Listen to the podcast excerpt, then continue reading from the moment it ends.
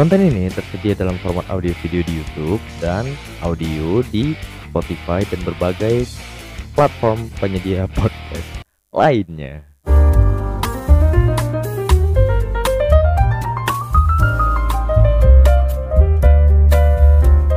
Ya, selamat datang di channel Yogi Sumarno bersama mas-mas netizen biasa. Mas-mas netizen biasa. Sini aku ceritain edisi Selasa tanggal berapa tanggal berapa tanggal lupa. Pokoknya ini edisi ke episode ke-13. Jadi gimana kabar kalian Selasa ini? Senin kemarin gimana? Uh, buat kalian mau ikutan uh, segmen curhat ya di segmen kedua, kalian bisa DM aja di Instagram di Instagram aku di @yogi.sumarno. Jadi ngomong-ngomongin Instagram, uh, aku kan hobi aku setiap hari nggak scroll scroll Instagram ya, entah apa entah apa yang ku cari sebenarnya. Ya nyari apa lagi, nyari konten lah. Jadi nggak sengaja tuh aku lihat di Vice ya kan, di vice.id ada seorang warga Palopo yang berniat menggugat salah satu gerai restoran terbesar di dunia yaitu KFC. Uh, karena alasannya uh, makanan yang dipesannya di KFC itu nggak sesuai gambar ya kan? Jadi namanya Erwin Sandi. Dia udah pesan yang kedua kalinya sebenarnya karena pesan yang pertama itu ada 6 piece 6 paket uh, burger harga 12.000 satu paket kabarnya gitu ya. Uh, terus tuh nggak uh, sesuai gambar yang di aplikasi gitu. Ya memang kalau untuk iklan pasti ditampilkan yang paling baik kan yang paling terbaik. Ternyata setelah sampai rumah setelah barang itu sampai nggak sesuai ekspektasi.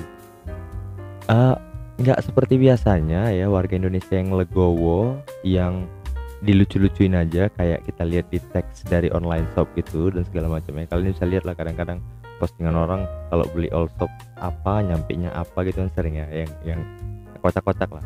Tapi tidak untuk Erwin Sandi ini karena dia berniat untuk menggugat. Entah jadi entah enggak nggak tahu ya tapi dia udah ngeposting di Facebooknya udah rame itu di Facebooknya karena uh, dia mengungkapkan kekecewaannya di sosial media dia dan dia bilang dia berniat menggugat KFC dan naiklah itu beritanya ke Vice ya kan. Tapi banyak yang bilang sih sebenarnya si Erwin ini lebay gitu. Ya elah cuma 12 ribu doang ngapain sih di permasalahan tapi bukan masalah lebaynya sih masalah hak dan kewajiban.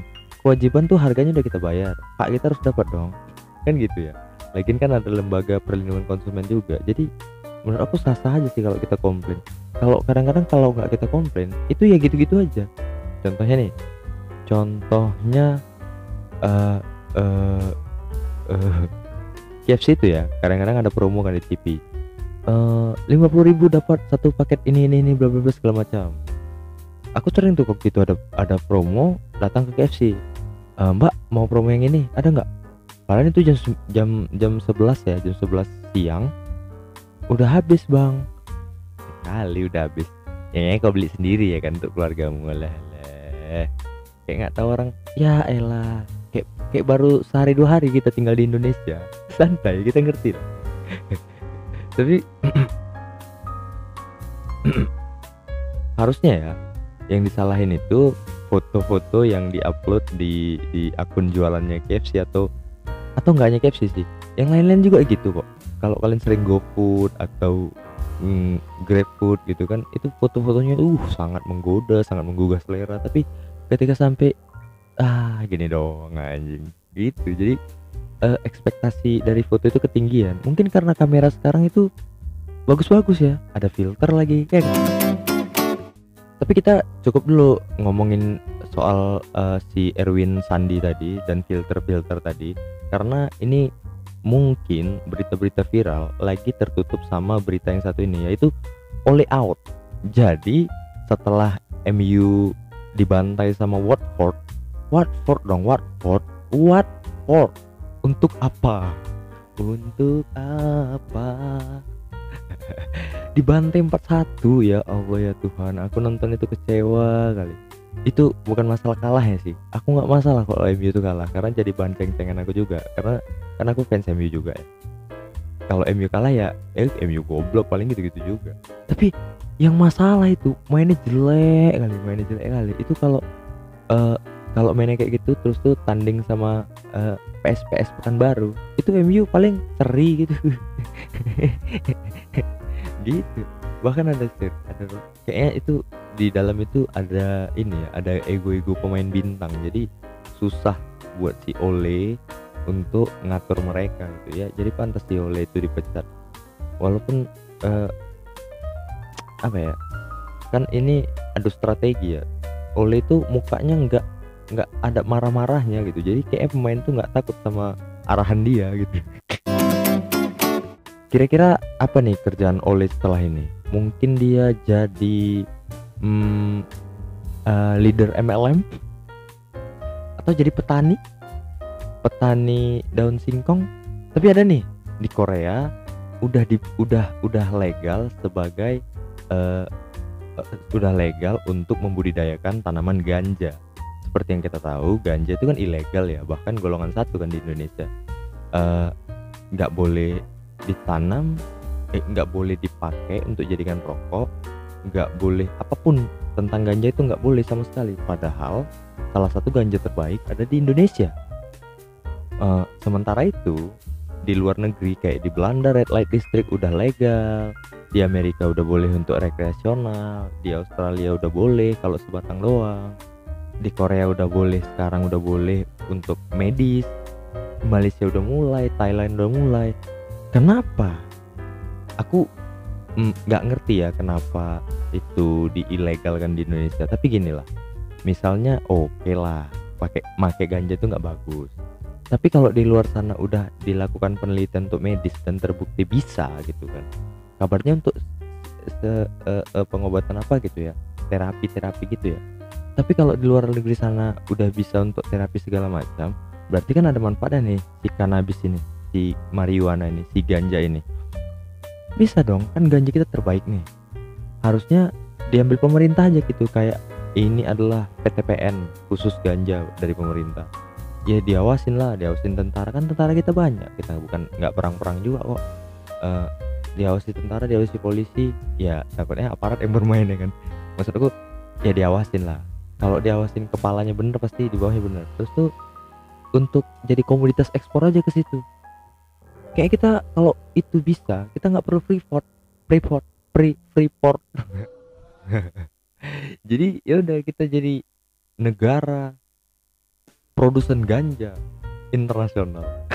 Gimana ide aku? Ya, ya. semoga eh, eh, ganja bakal ilegal sih kayak menurut aku. Mungkin lima tahun 10 tahun lagi bakal legal sih di Indonesia. Walaupun nggak untuk pakai ya untuk eh, komoditas mungkin ya. Kali kali kali. Ya, oke lah. Kalau gitu itu segmen pertama. Kalau gitu kita masuk ke segmen kedua. Nah di segmen ceritain dong kali ini. Jadi ini sebenarnya bukan curhatan dari DM Instagram aku tapi ada seseorang yang eh, entah berantah dari mana tiba-tiba mampir ke warung aku gitu. Terus tuh dia nggak nggak belanja juga nggak makan juga nggak beli juga. Tapi dia cuman duduk nongkrong ngerokok numpang duduk entah mungkin dari mana gitu ya. Terus tuh dia cerita tuh curhat tentang istrinya segala macam. Terus tuh aku minta izin sama dia bang kan aku bikin konten ya gelegean lagi oke udah. Kan aku bikin video nih video tentang curhat-curhatan gitu. Boleh nggak cerita bang ini ku tulis lalu ku ceritain di eh, eh, konten aku? Tenang aja rahasia dijamin aman lah. Nggak aku sebutkan nama abang juga jadi aman. Eh, rahasia abang terjamin oke? Kalau gitu langsung aja kita bacain ceritanya. Bahkan namanya aku samarin ya.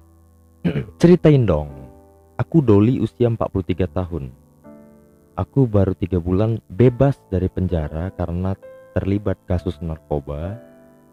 Dan setelah tiga bulan aku pulang ke rumah dan hidup aku seperti biasa berjalan seperti biasa sama istri sama anak dan segala macam. Tapi sekarang hari ini aku lagi sedih karena istriku lari dengan laki-laki lain. Padahal tahu aku kami nggak punya masalah apa pun. Ceritanya tiga hari yang lalu ketika aku pulang kerja rumah udah di posisi terkunci dan kunci dititipkan ke tetangga setelah aku telisik, ternyata nggak hanya istriku yang pergi. Seluruh uang tabungan sekitar 50 juta lebih dibawa kabur oleh istriku. Dari situ aku sadar istriku melarikan diri. Dan yang buat aku sedih, tiga orang anakku ikut dibawa kabur sama istriku itu. aku udah cari ke orang tuanya ke saudara-saudaranya tapi nggak ada yang tahu dia tapi nggak ada yang tahu dia ke mana. Aku kepikiran sekolah anakku. Tiga hari aku tungguin di sekolah dia ternyata nggak masuk sekolah juga. Gimana ya apa yang harus kulakukan? Uh, ya mungkin uh, apa yang tindakan yang harus ku aku harus cari ke mana lagi gitu ya. Oke. Okay.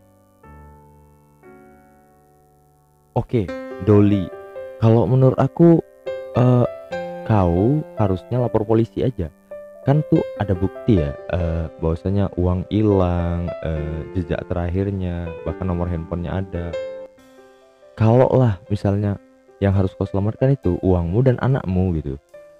Anakmu harus kau selamatkan. Minimal kau tahu kabar anakmu aja itu kan hak hak tertinggimu kan. Sebenarnya istrimu kan hakmu juga untuk untuk kau cari sampai dapat. Tapi gini ketika hati dia udah milik orang lain kayaknya nggak usah lah nggak usah diperjuangkan orang-orang yang kayak gitu. Karena kalau perempuan udah selingkuh pasti dia pakai hati. Kalau laki-laki kan selingkuh dia pakai fisik aja kan. Dia ya sebenarnya mau menyalurkan hasrat seksualnya aja gitu. Jadi menurut aku kalau lapor polisi biar itu dicari istrimu dan uangmu bisa kembali siapa tahu insya Allah semua mudah-mudahan bisa kembali. Karena 50 juta itu lumayan banyak ya untuk golongan-golongan rakyat jelata kayak kita ya kan hmm, terus tuh kau bisa hidup sama anakmu lagi? Atau kalau untuk menyabar-nyabarkan hatimu ya kalau kau malas misalnya untuk melakukan itu ya udah ini kata-kata yang bagus menurut aku untuk kau ya Doli. Anggap aja itu adalah uh, balasan dari kesalahanmu yang pakai narkoba itu. Karena tiga tahun itu bukan hal yang gampang hidup sendiri jadi istrimu gitu uh, dia harus menghidupin tiga anaknya tanpa kau dia harus uh, berkecamuk dengan emosionalnya. Bahkan hasrat seksualnya harus tertahan. Bisa jadi dia kan ada lelaki yang datang ketika dia lagi sedih. Karena perempuan yang lagi sedih itu adalah bunga yang sangat indah di mata laki-laki gitu. Jadi itulah peluang-peluang yang terjadi kan. Jadi kalau kau eh, nggak uh, mau ngerjain uh, yang uh, apa tadi solusi yang pertama ya jalan satu-satunya ya sabar dengan cara ya udahlah ridho aja ikhlas aja. Mungkin itu adalah jalan terbaik. Mungkin setelah itu kau jadi uh, membujang sendirian terus tuh bergaul ke sana kemari ke sana kemari bisa nikah sama Ayu Ting Ting? Gitu doli. Uh, iya memang sih. Aku nggak kebayang sih kalau harus terpisah sama anak. Mungkin kalau sama istri mungkin kayak siap-siap aja ya karena kita sangat gampang untuk cari perempuan lain. Tapi kayaknya sama anak itu karena darah daging kita ya jadi gimana gitu ya. Aku kadang-kadang lihat anakku lagi tidur bahkan ya Allah aku nggak sanggup gitu pisah lama-lama sama anak gitu. Sesayang itu gitu. Sesayang itu sampai mau meninggal gitu gitu ya kan. Kayak selebgram selebgram sekarang. Gitu ya Doli. Semoga membantu dan seperti biasa tidak ada solusi yang yang signifikan di segmen kedua. Karena ya memang aku seneng gitu dengar cerita orang gitu solusi sesuai kapasitas aku. Seneng aja gitu. Karena uh, membuat aku belajar banyak juga dari masalah-masalah orang gitu kan. Gitulah ya. Kalau gitu sampai jumpa di episode sini aku ceritain ke 14 bye